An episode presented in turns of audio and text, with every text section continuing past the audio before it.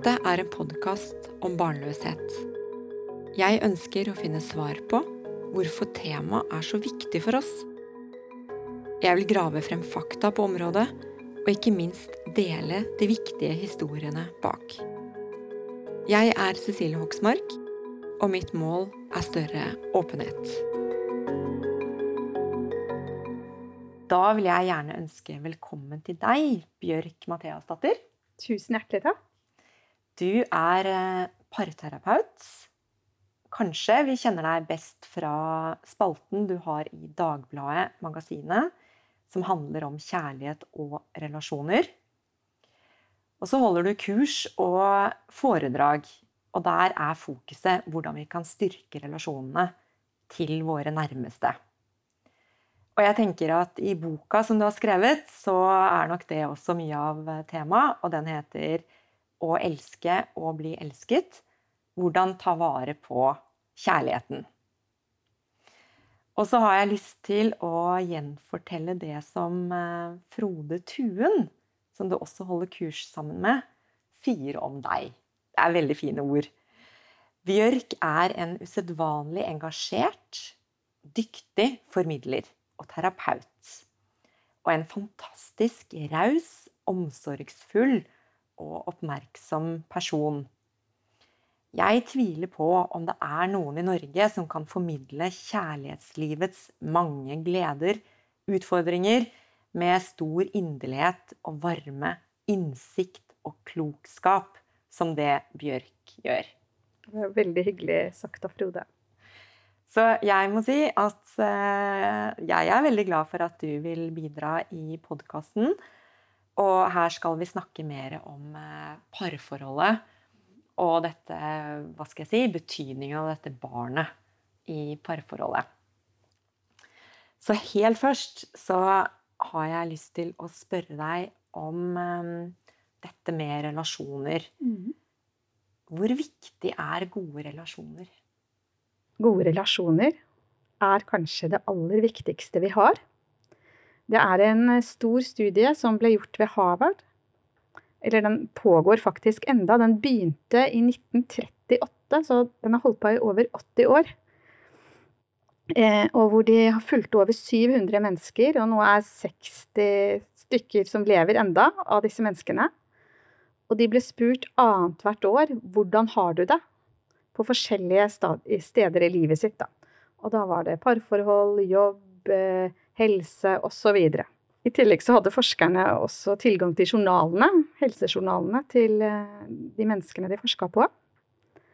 Og resultatet av denne studien er veldig klart, og det ligger også i en veldig fin TED-talk man kan se med Robert Waldinger, som er den store forskeren bak det.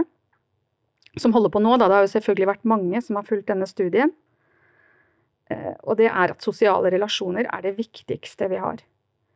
Og det er også veldig stor forskjell på kvantitet og kvalitet. Det er ikke viktig å ha veldig mange relasjoner, men det er viktig å ha gode, nære relasjoner. Og der kommer jo selvfølgelig et parforhold inn.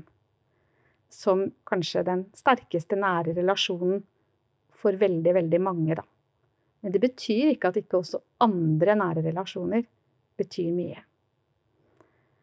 Det er vel kanskje det som er det viktigste svaret mitt på det. Og da nevner du at eh, parforholdet for oss kan oppfattes, eller kan, vi kan tenke at det er det viktigste. Den viktigste relasjonen. Mm. Den næreste relasjonen. Og da har jo jeg tenkt for min egen del, som eh, var i parforhold, og som strevde med å få dette mm. barnet, så har jeg undret meg over eh, hvor viktig er dette barnet for dette forholdet? Det har vi egentlig ikke noen klar forskning på. Jeg har veldig lyst til å gå enda mer inn i den studien jeg nevnte for deg nå, og se om det står noe om det der. For den viser jo helt klart at disse nære relasjonene gjør oss både lykkeligere og friskere. Eh, men hvor viktig barnet er eh, for denne lykken og helsa, det står det ikke klart. Men det er gjort en del andre typer studier eh, f.eks. en stor studie fra Danmark, som jeg tror var ferdig i 2012 eller 2014, hvor man fulgte 50 000, nærmere 50 000 kvinner, 46 000 eller noe sånt, eh, som prøvde å få barn, og som var under behandling for infertilitet. Eh, og så fulgte man de over tolv år. Og da så man at de som da hadde fått barn, og sammenlignet den gruppen med de som ikke hadde fått barn, så var det slik at de som ikke hadde fått barn, der var det tre ganger større eh, risiko for Eller ikke bare risiko, men tre ganger flere av de hadde vært gjennom da samlivsbrudd med den partneren de prøvde å få barn med. Så derfor kan vi si at man måte barnløshet da, gjør at vi har tre ganger større risiko for samlivsbrudd. Men vi kan jo ikke vite om er det da det å ikke ha barn, eller er det denne påkjenningen alt det man står i når man prøver å få barn, den store påkjenningen det er for parforholdet, da, og hvor vanskelig det kan være for folk å håndtere det, er det det som gjør at, at de har større risiko for samlivsbrudd. Eh, og det er jo også gjort uh, norske undersøkelser, som eh, Thomas Hansen, som har vært med i podkasten din tidligere, som ikke ser denne forskjellen. Samtidig så har jeg også sett på den undersøkelsen at man da har ikke gått inn og spurt folk er de ufrivillig barnløse eller ikke. Så her er det jo noen ting vi eh, kanskje ikke vet nok om, da. Men jeg tenker jo at, eh, som også har vært framme i podkasten tidligere, at det å få barn er noe eksistensielt for oss. Det er ikke bare viktig for parforholdet, men det er, føles ofte viktig for oss som mennesker. Eh, og når vi har eksistensielle behov, eh, eller ønsker, eller hvordan vi tenker om livet som ikke blir oppfylt, så er det jo klart at det kan påvirke parforholdet. Også det er forskningsstudien fra Danmark fra 2012 som viser at barnløse kvinner har fire ganger så høy risiko for å dø tidlig som sine medsøstre. Så det tyder jo på at det gjør noe med oss. Eh, og deres partnere hadde dobbelt så stor risiko.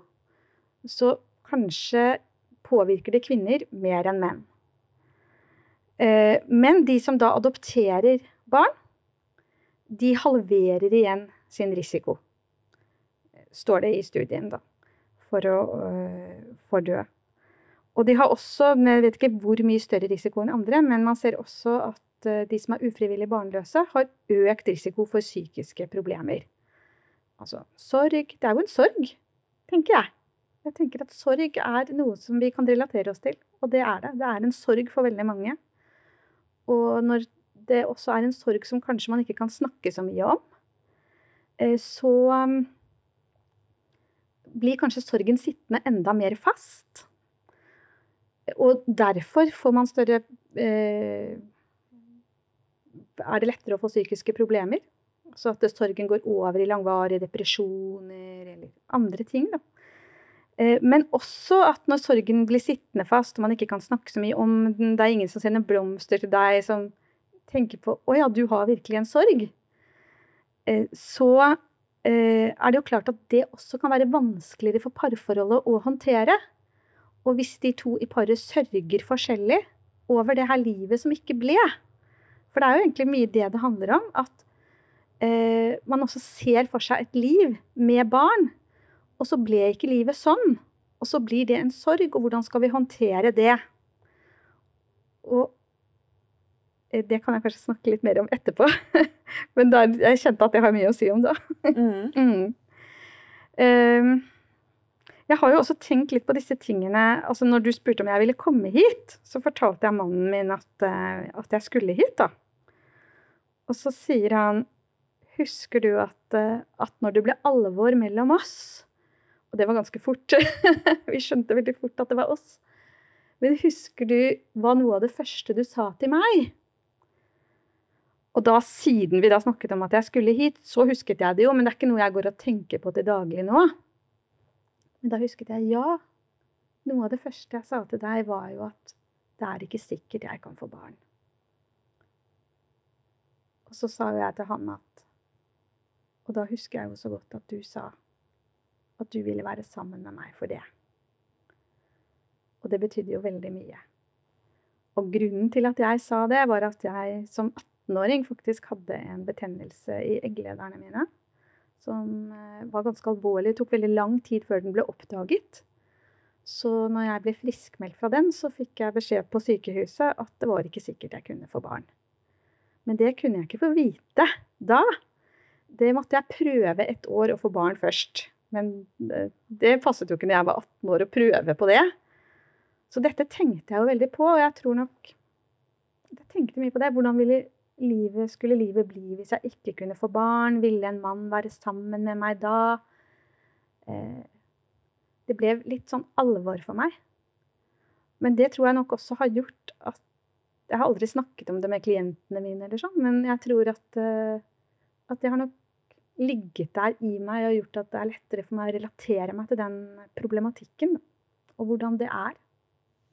Og så sier du egentlig ganske mye om hvor viktig barn er for et parforhold. Mm. For ellers så hadde det jo ikke vært noe poeng for deg å fortalt han det. Nei. Det ble jo som, gitt som en advarsel. Helt nesten. Sant. Ja. Mm. Og jeg tenkte jo at at jeg måtte si det, for jeg kunne ikke lure han. Eh, at jeg hadde visst det at kanskje jeg ikke kunne få barn, og ikke sagt det til han.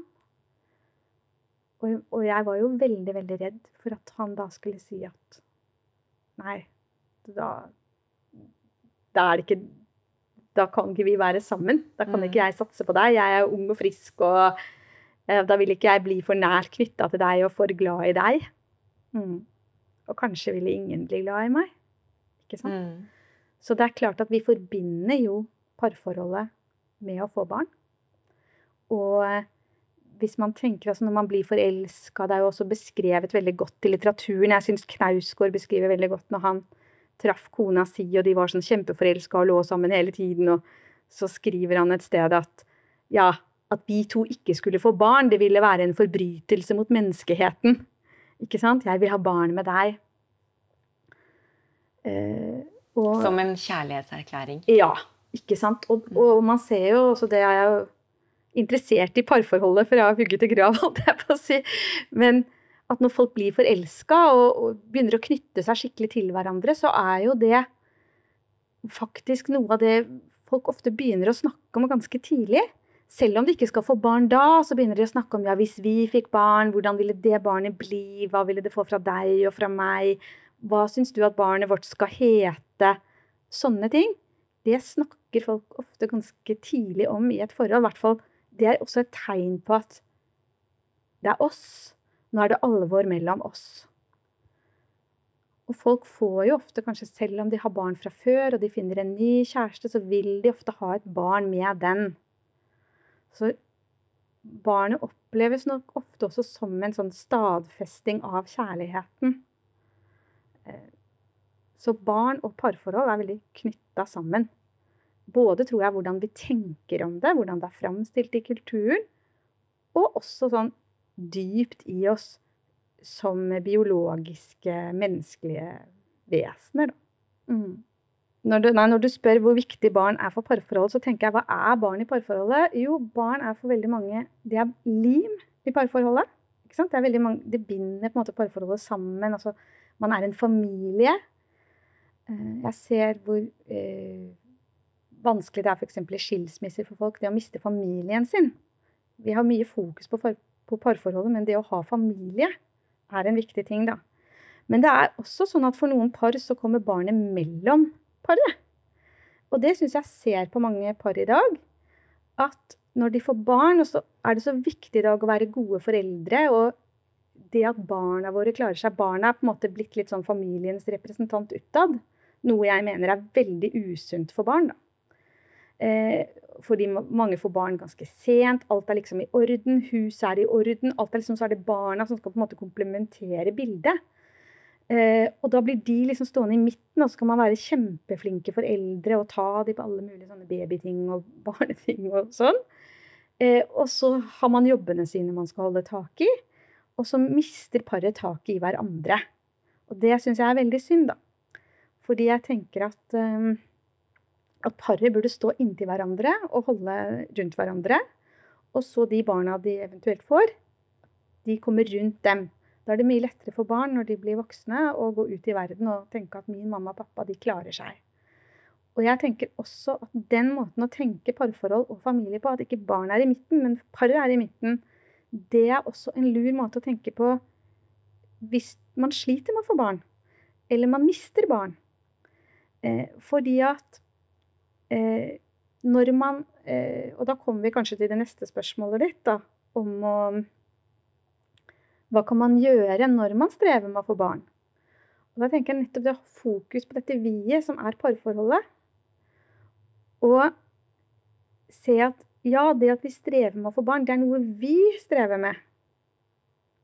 Det er ikke noe du må ta ansvar for, eller jeg gjør. Altså, ikke la det liksom Det strevet eller den sorgen eller det man står i, kommer mellom paret. Men at vi som par står midt i det, og så forholder vi oss til det som noe ikke utenfor oss, for det er jo en del av oss, akkurat som barna våre er en del av oss. Men vi forholder oss til det sammen, da. Det er på en måte Vi går gjennom livet sammen, og dette går vi gjennom nå. Og også som par, også sånn i forhold til andre ting man opplever i livet. Men det er i det jeg har sett, at hvis jeg klarer å få par til å ha den vinklingen på livet sitt, det er til stor hjelp. Holdningen og vinklingen er ofte mye viktigere enn alle masse sånn småting vi gjør, da. Eller det påvirker også småtingene vi gjør. Mm. Nå snakket vi litt om allerede, da, om, om hva som skjer med et par som da strever med å få barn. Men vi ble ikke helt ferdig, føler jeg, uh, om det temaet. For jeg er jo veldig nysgjerrig på Du har jo lang erfaring som parterapeut. Så du, sikkert, du sitter sikkert med mye kunnskap om hva tenker mannen? Hva tenker kvinnen? Liksom, hvilke problemer møter de? Når de, når de strever med å få barn, mm. tenker du? Ja. For bare å, å, eh, At ikke ting kommer feil ut, så må jeg bare si at jeg var jo da Jeg og min mann vi var så heldige at vi fikk bare plutselig barn.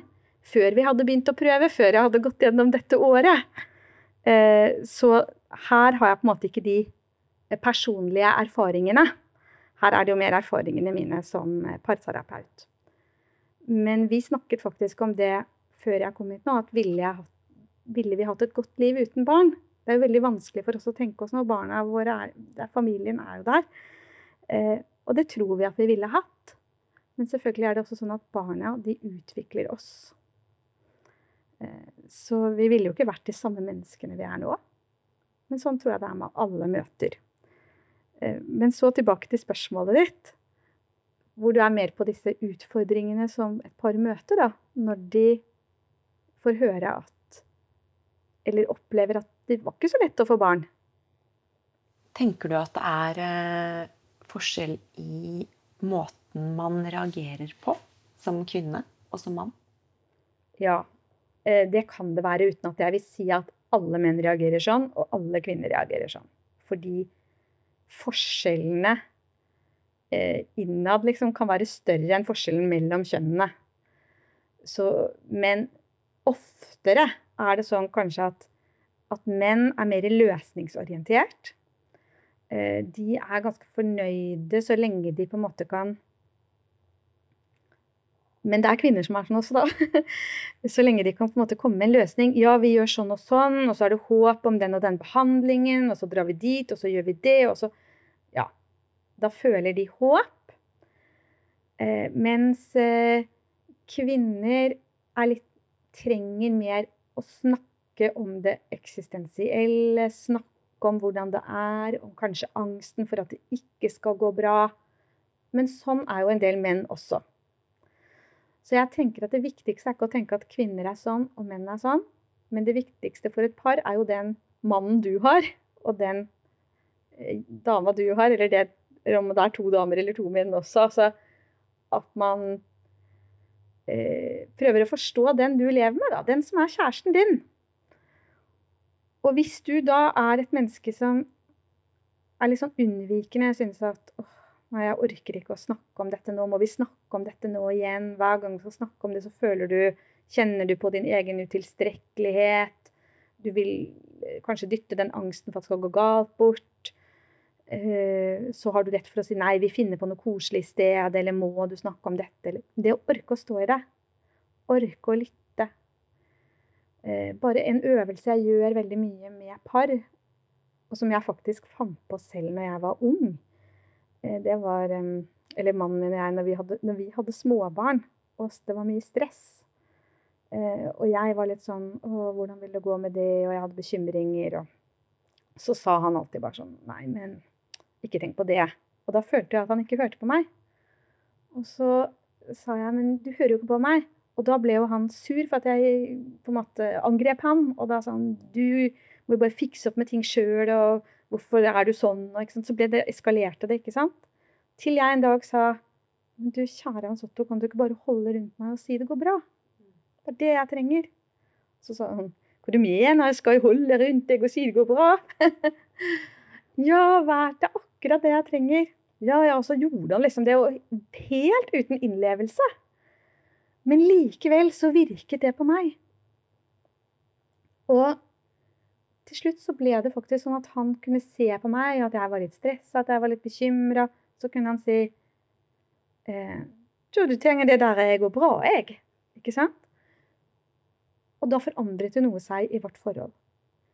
Og det er på en måte en litt morsom historie, men samtidig ganske alvorlig. Og jeg gjør det av og til med par her, at jeg bare dytter hendene rundt. Bare hold rundt henne. Si det går bra. Eller hvis det er motsatt, det er hun som lett rekker seg unna han som trenger den. Bare hold rundt ham. Si det går bra. For vi kan jo ikke alltid gi kjæresten vår det vi helst vil, da. Og særlig en sånn barnløs eh, problematikk, så, så er vi jo så lei oss fordi vi ikke bare kan knipse i lufta og gi deg det, eller gi oss det barnet. Og da føler vi jo på vår egen utilstrekkelighet og, og våre egne sår, og det er så mange ting. Og da er det så lett å heller rømme fra det. Og når vi ikke vet hva vi skal si Du trenger ikke alltid si så mye. Du må orke bare være der. Orke å høre. Orke å holde rundt. Og den fysiske nærheten, den lider jo også veldig ofte når man er gjennom prøverørsforsøk og sånne ting. Fordi at man skal ha sex på bestemte tider, og man blir så fokusert på dette. Og da tenker jeg også et veldig viktig råd er å ta vare på den fysiske nærheten. Holde rundt hverandre, ta på hverandre. Og også gjøre sånn som dette. fordi når vi er nær hverandre, da flommer oksytocinet, da flommer tilknytningshormonet vårt. Og det at det går bra, det trenger ikke å bety at ja, vi kommer til å få barn. Men det betyr jeg er her. Jeg går ikke fra deg. Jeg står i det her sammen med deg. Jeg ser at du har det vondt og vanskelig nå. Men vi to hører sammen. Vi skal klare alt. Og da klarer man alt, da. Forhåpentligvis. Også det å ikke få barn. Også det at det ikke lykkes, disse forsøkene. Fordi det fins andre ting i livet også. Men jeg vet det er lett nok å si når man har fått barn. Men det er jo det jeg ser da, når jeg jobber med par. De som får til dette. Der ligger i hvert fall en stor kime til at det går bra for parforholdet, i hvert fall. Det var veldig fine ord.